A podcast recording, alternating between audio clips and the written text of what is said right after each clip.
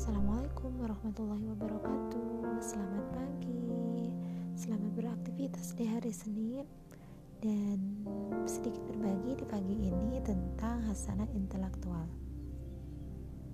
Ibnu Qayyim mengatakan dalam Madarijus Solihin, beliau mengatakan tentang kesabaran.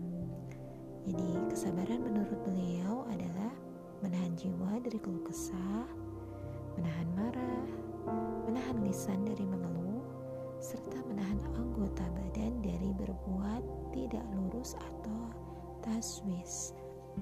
Sabar ada tiga macam.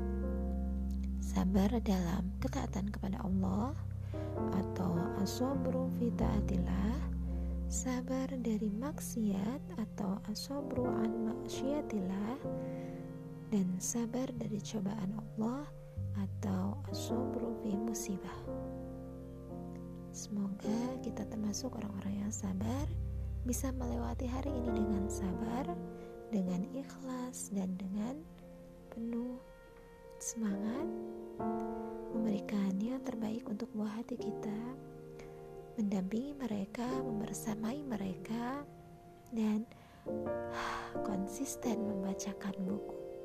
Nah, ya, membacakan buku itu penting membaca itu anak-anak akan menambah kosakata.